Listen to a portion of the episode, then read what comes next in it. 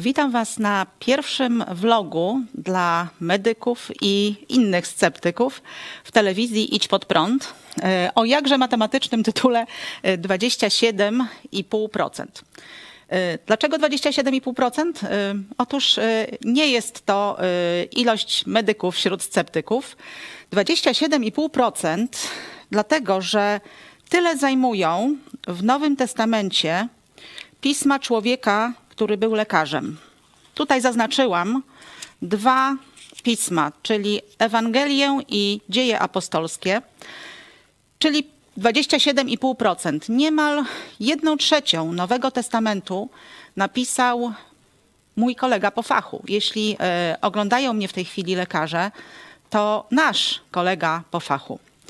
E, jest to, jeśli chodzi o wkład objętościowy w tą księgę, największy objętościowo wkład poczyniony przez e, pojedynczego autora. Właśnie to zainspirowało mnie do e, dzisiejszego vloga. Kiedy uczymy się medycyny, poznajemy też taki przedmiot, który nazywa się historia medycyny.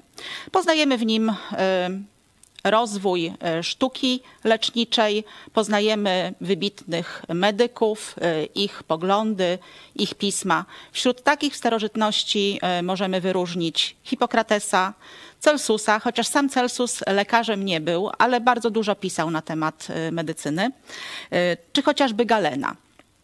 Kiedy czytam ich pisma, poznaję ich poglądy, porównuję je z tym, y, co mamy współcześnie, zauważam pewne cechy charakterystyczne ludzi y, tego zawodu, a być może cechy charakterystyczne ludzi, którzy w ogóle y, wybierają tego typu profesję. I wśród tych cech charakterystycznych wyróżniłam sobie takie trzy. Pierwsza z nich to jest chęć uczenia się y, i naprawdę duża doza ciekawości. Drugą jest y, sceptycyzm i trzecią y, potrzeba sprawdzania faktów, czyli opierania się tylko na faktach najlepiej.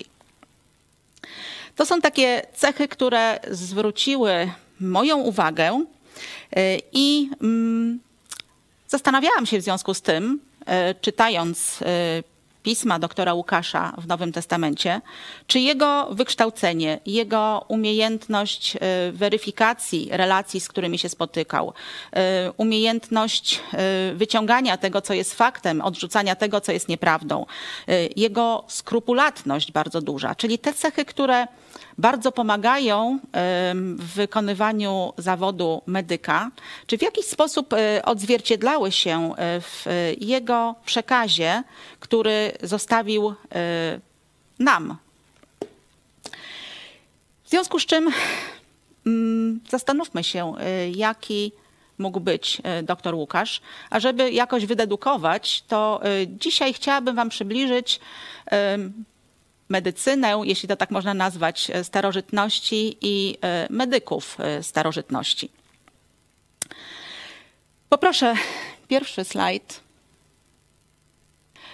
Tutaj mamy akurat y, starożytnego medyka z Lewantu, czyli y, wschodnich wybrzeży Morza Śródziemnego, y, prawdopodobnie lekarza żydowskiego. Ja też dzisiaj, mimo upału, zadbałam o odpowiedni dress code, żebyście mieli też takie wizualne porównanie i jakąś taką, taki pomost między medykami współczesnymi i medykami starożytności.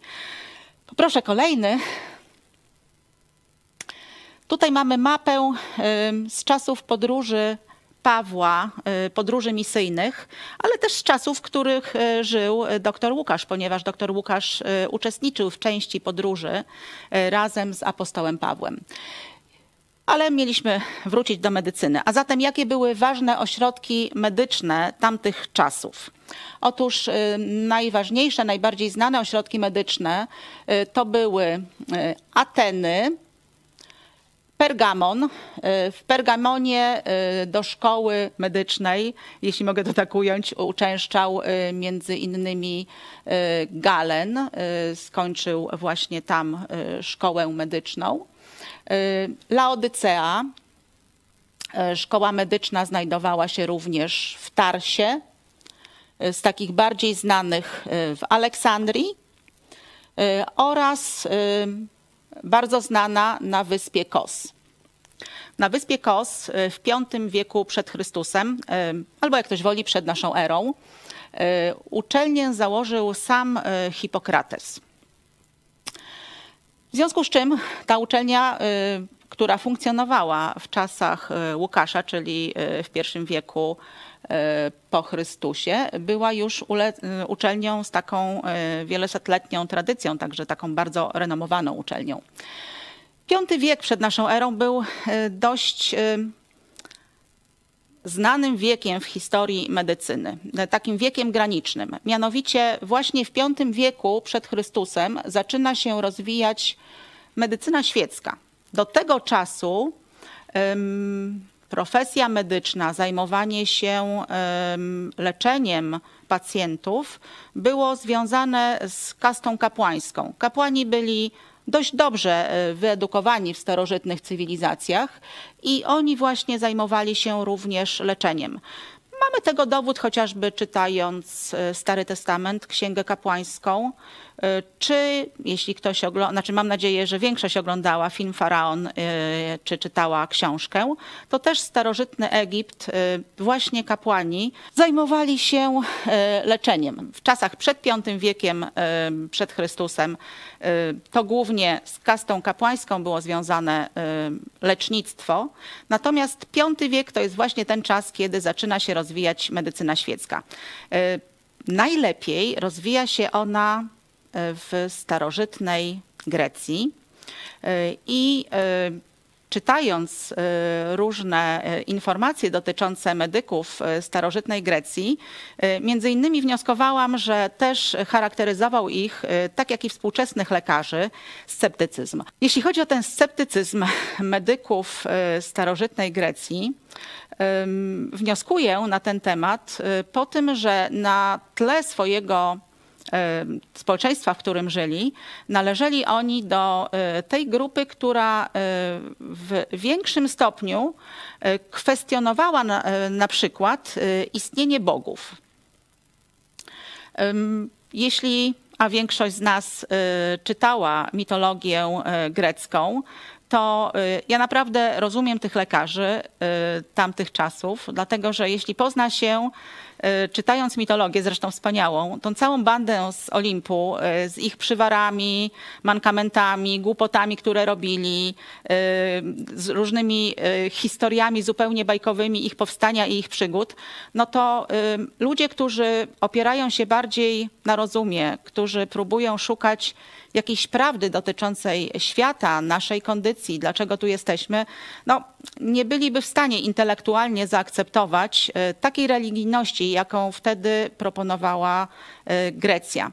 Także rozumiem tych lekarzy i e, myślę, że większość z Was również ich rozumie. Oczywiście ogromnie lubię, nawet uwielbiam niektóre kawałki mitologii greckiej i uważam, że wpływ tej mitologii na literaturę Europy, a nawet mogę powiedzieć świata, wpływ na kulturę Europy jest absolutnie nie do przecenienia. No ale żeby przyjąć tą religijność i uznać za realne takie bóstwa, jakie proponowała mitologia grecka, no to trzeba by y, zupełnie odłożyć rozum na bok.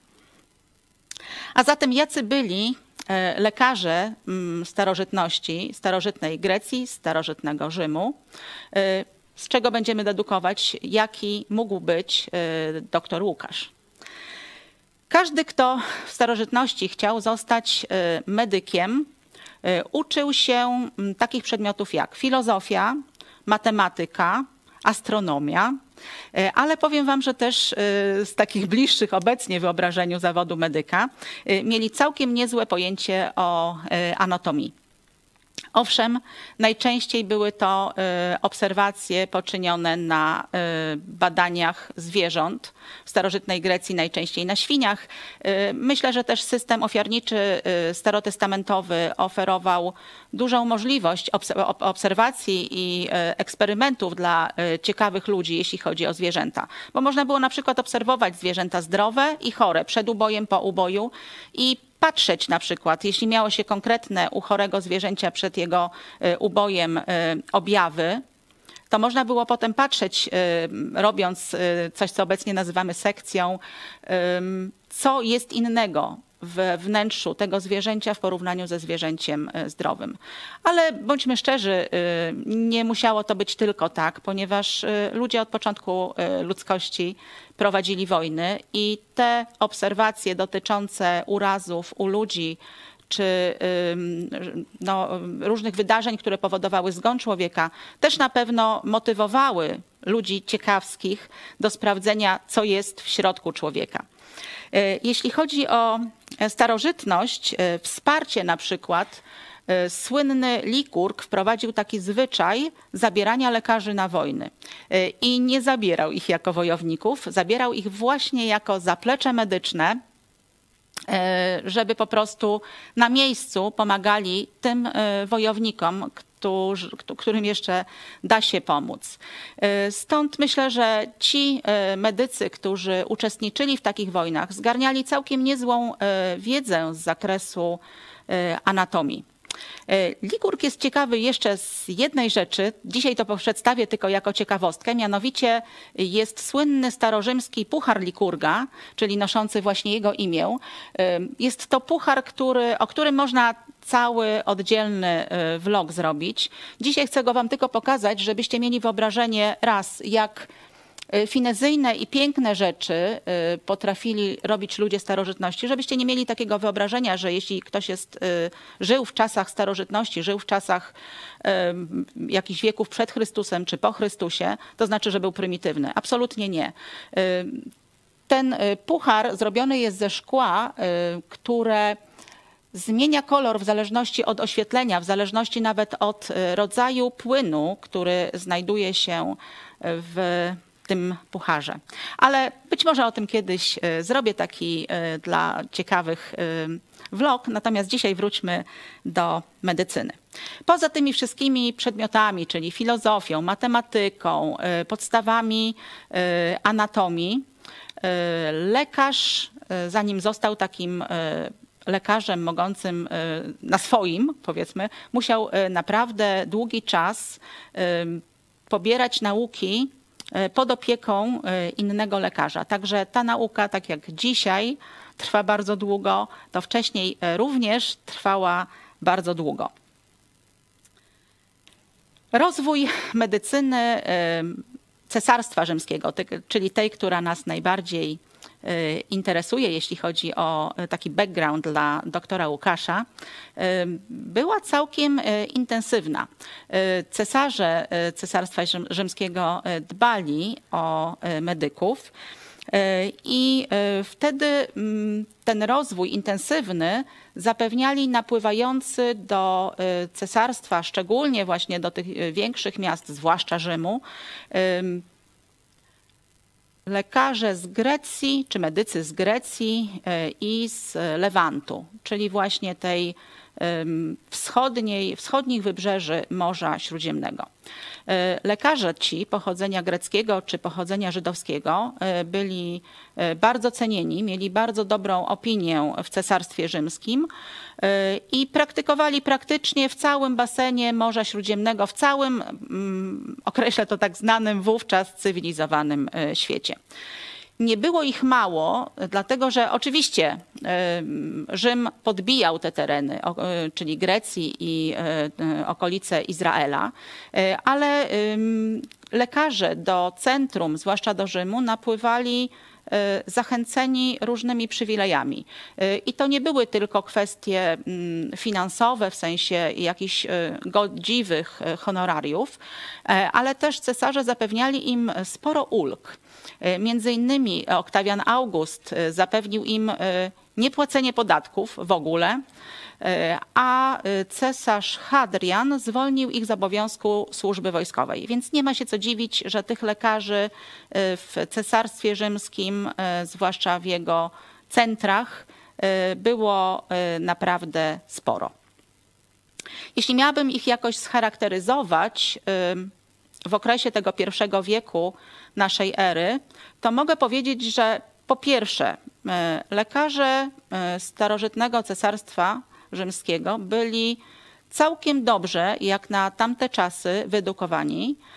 Po drugie, ich postawa była mm, pronaukowa, w tym sensie, że w dużej mierze opierali się na eksperymencie, na obserwacji, na doświadczeniu. Można powiedzieć, że po prostu na w miarę rozumnym podchodzeniu do y, leczenia pacjenta, do stwierdzania, do diagnozowania, chociaż trudno wtedy mówić o diagnozowaniu, y, nie znano przyczyn większości chorób. Y, ale te cechy na pewno u nich można było zaobserwować. No i najlepsi z nich, najbardziej utalentowani, z największą wiedzą, najbardziej skutecznie leczący pacjentów, oczywiście leczyli ówczesnych VIP-ów, czyli czyli osoby szlachetnie urodzone, osoby na wysokich urzędach y, czy królów. Przekażę Wam teraz taką swoją spekulację, ale nie jest ona zupełnie pozbawiona mm, pewnych uprawnień do takiego wnioskowania. Y, jeśli lekarz, y, dr Łukasz, był niezłym lekarzem, a o tym podzielę się z Wami w następnym wrogu, dlaczego tak uważam, to istnieje spora możliwość, że osoba, do której pisał swoje pisma przede wszystkim, które dedykował, być może ta osoba szlachetnie urodzona, szlachetny teofil, y, finansowała w jakiś sposób jego zainteresowania, ale być może też y, była to osoba, którą poznał y, jako medyk, w sensie mogła też korzystać z jego porad lekarskich, czyli jakby być jego pacjentem. W czasach doktora Łukasza E, funkcjonowały dwa takie, dwie takie szkoły filozoficzne, czyli szkoły myślenia w podejściu do e, medycyny, e, do opieki medycznej. Była to szkoła platońska i szkoła hipokratejska. Te szkoły istniały już od wieków, ale one dalej w pierwszym wieku naszej ery utrzymywały się. Szkoła platońska to było takie uczenie medyków nakierowane na dbałość o społeczeństwo, e, czyli e, lekarz zajmował się podejmowaniem decyzji dotyczących e, profilaktyki w społeczeństwie, czyli na przykład zasad higieny, zasad odżywiania się, y, ustalania długości kwarantanny, y, decydowania, kto y, na taką kwarantannę się nadawał i kiedy go zwolnić. Jednym słowem, bardziej dotyczące profilaktyki zdrowia. I druga szkoła, szkoła hipokratejska, była bardziej nastawiona na pacjenta, na konkretnego, indywidualnego pacjenta. Y, w historii medycyny w ogóle Hipokrates uważany jest za taką osobę, która wprowadziła medycynę w sferę Mogę to ocenić nauki, chociaż oczywiście wiecie, że nauka jako taka, ten termin bardziej pasuje do wieku XIX i późniejszych, ale no na tyle nauki, na ile ona wtedy y, rozwijała się. E, Hipokrates właśnie zajmował się e, diagnozowaniem dolegliwości, diagnozowaniem chorób w oparciu o e, obserwacje, o badanie, można powiedzieć, kliniczne pacjenta i badał całego pacjenta. Nie skupiał się tylko na chorym organie, ale na całym człowieku. Bardzo interesował się trybem życia swoich pacjentów. Interesował się tym, jak się żywią. Zostawił bardzo wiele sensownych myśli i spostrzeżeń na ten temat. Szukano też y, naturalnych środków pomagających y, leczyć choroby. Głównie było to ziołolecznictwo, y, ale też właśnie od czasów Hipokratesa, dokładnie w 400 roku przed Chrystusem, jest zanotowany przepis Hipokratesa na herbatkę czy napar z liści wierzby i sproszkowanej kory wierzby. E, dzisiaj wiemy, że e, ten preparat, który on zalecał jako działanie przeciwzapalne, przeciwgorączkowe, zawierał salicylany, czyli była to taka pierwsza, można powiedzieć, e, prymitywna forma leku, który został wynaleziony 2300 lat później, mianowicie znanej wszystkim aspiryny. Jeśli chodzi o choroby, no, były to czasy, w których e, przyczyn e, większości chorób nie znano. Nie znano patomechanizmów chorób. Tak naprawdę lekarze dysponowali szalenie ograniczoną liczbą jakichś sensownych medykamentów. Szczęściem basenu Morza Śródziemnego było to, że był tam klimat, który wiele chorób czynił rzadkimi, więc łatwiej było może tym lekarzom. Ale wierzcie mi, znając poziom tamtejszej medycyny i to, co mamy teraz, nie chcielibyście być pacjentem w czasach starożytnych. Ja na pewno bym nie chciała, nawet gdybym musiała się leczyć u e, dobrego lekarza. To, czym dysponuje medycyna teraz, ta znajomość człowieka, jaką dysponuje teraz, to jest przepaść w porównaniu z tym, e, co wiedziano o człowieku, o patomechanizmach chorób wtedy. Tak naprawdę ogromny postęp, jeśli chodzi o medycynę, dokonał się dopiero w XIX wieku i dokonał się też dlatego, że rozwinęła się w potężny sposób nauka. Rozwinęły się takie dziedziny, które wspierają medycynę, jak chemia, jak mikrobiologia. Odkryto przecież bakterie, wirusy, o których nic nie wiedziano e, w czasach starożytnych. Dlatego Y, tak bardzo było skupione wtedy na obserwacji y, leczenie czy taka y, profilaktyka. Widziano na przykład taką chorobę jak trąd. Wiedziano, że jeśli się zastosuje pewne zalecenia higieniczne, odpowiednią kwarantannę, to rzeczywiście ograniczy się rozprzestrzenianie. Ale nie wiedziano nic na temat patomechanizmów, na temat przyczyn, które tą chorobę powodują. Także dzisiaj mamy tą wiedzę o niebo wyższą y, i bardziej służącą y, pacjentowi. Y, poza mikrobiologią, poza chemią przecież rozwinęła się też genetyka, rozwinęła się farmakologia z, całą, z całym ogromem lekarstw, którymi można się posługiwać. Oczywiście dobrze jest posługiwać się nimi jak najlepiej i również nie przesadzać w stosowaniu środków farmakologicznych. E, ale wracając do tego, co jest e, przedmiotem dzisiejszego vloga, czyli tych 27,5% Nowego Testamentu, które zostawił dla nas e, lekarz starożytności, to chcę przekazać Wam na koniec, że czytając te pisma doktora Łukasza, czyli Ewangelię według Łukasza i dzieje apostolskie, Doceniam w nim e, te same cechy, które dostrzegam u moich kolegów lekarzy. Wzrusza mnie e, to, że przez e, wieki całe, przez tysiące lat widać tę ciągłość za, za, zawodu, jeśli chodzi o chociażby o to podejście do ratowania życia, ale też ogromnie doceniam u Łukasza jego cierpliwość, jego niezwykłą skrupulatność, zdolność obserwacji. To, że naprawdę oceniał wiarygodność ludzi, szukał naocznych świadków, opierał się na faktach, wyciągał od ludzi, którzy mieli bezpośredni kontakt z jakimś zdarzeniem, zanim to opisał. W wielu przypadkach w dziejach apostolskich był naocznym świadkiem y, tego, y, co się dzieje w tych dziejach apostolskich. Dlatego to wszystko stawia go y, w gronie naprawdę bardzo wiarygodnych świadków relacji, które opisuje. I jestem głęboko przekonana, że dr Łukasz, tak jak zresztą myślę wielu, wielu ludzi na przestrzeni tych dwóch tysięcy lat chrześcijaństwa, stał się chrześcijaninem ze względu na wagę dowodów, które sprawdzał, a nie wbrew y, dowodom. Dlatego właśnie mój vlog dzisiejszy chcę, żeby mm, zachęcił sceptyków, zachęcił y, medyków do y, podjęcia takiego challenge'u i przeczytania pism Łukasza, przeczytania ich e, bez wcześniejszych uprzedzeń, bez wyobrażeń, e, bez jakichś założeń wstępnych, że to głupoty. Po prostu przeczytajcie je tak, jakby jeden lekarz sceptyk pisał do drugiego. A e, o samym Łukaszu opowiem Wam następnym razem.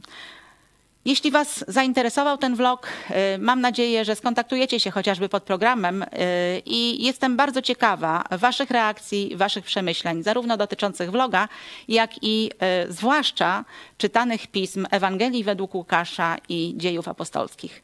Dziękuję pięknie i do zobaczenia. Jeśli chcesz, by niezależne od dotacji rządu dziennikarstwo przetrwało i rozwijało się w Polsce, poświęć dosłownie kilka minut na wsparcie telewizji Idź Pod Prąd.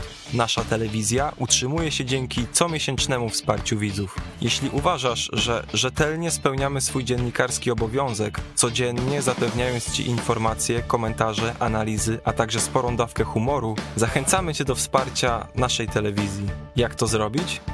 Wejdź na stronę idźpodprąd.pl wsparcie. Wybierz cel wpłaty Możesz jej dokonać przez DotPay, PayPal, Blik lub tradycyjnym przelewem z tytułem darowizna. Gramy i gnamy dalej.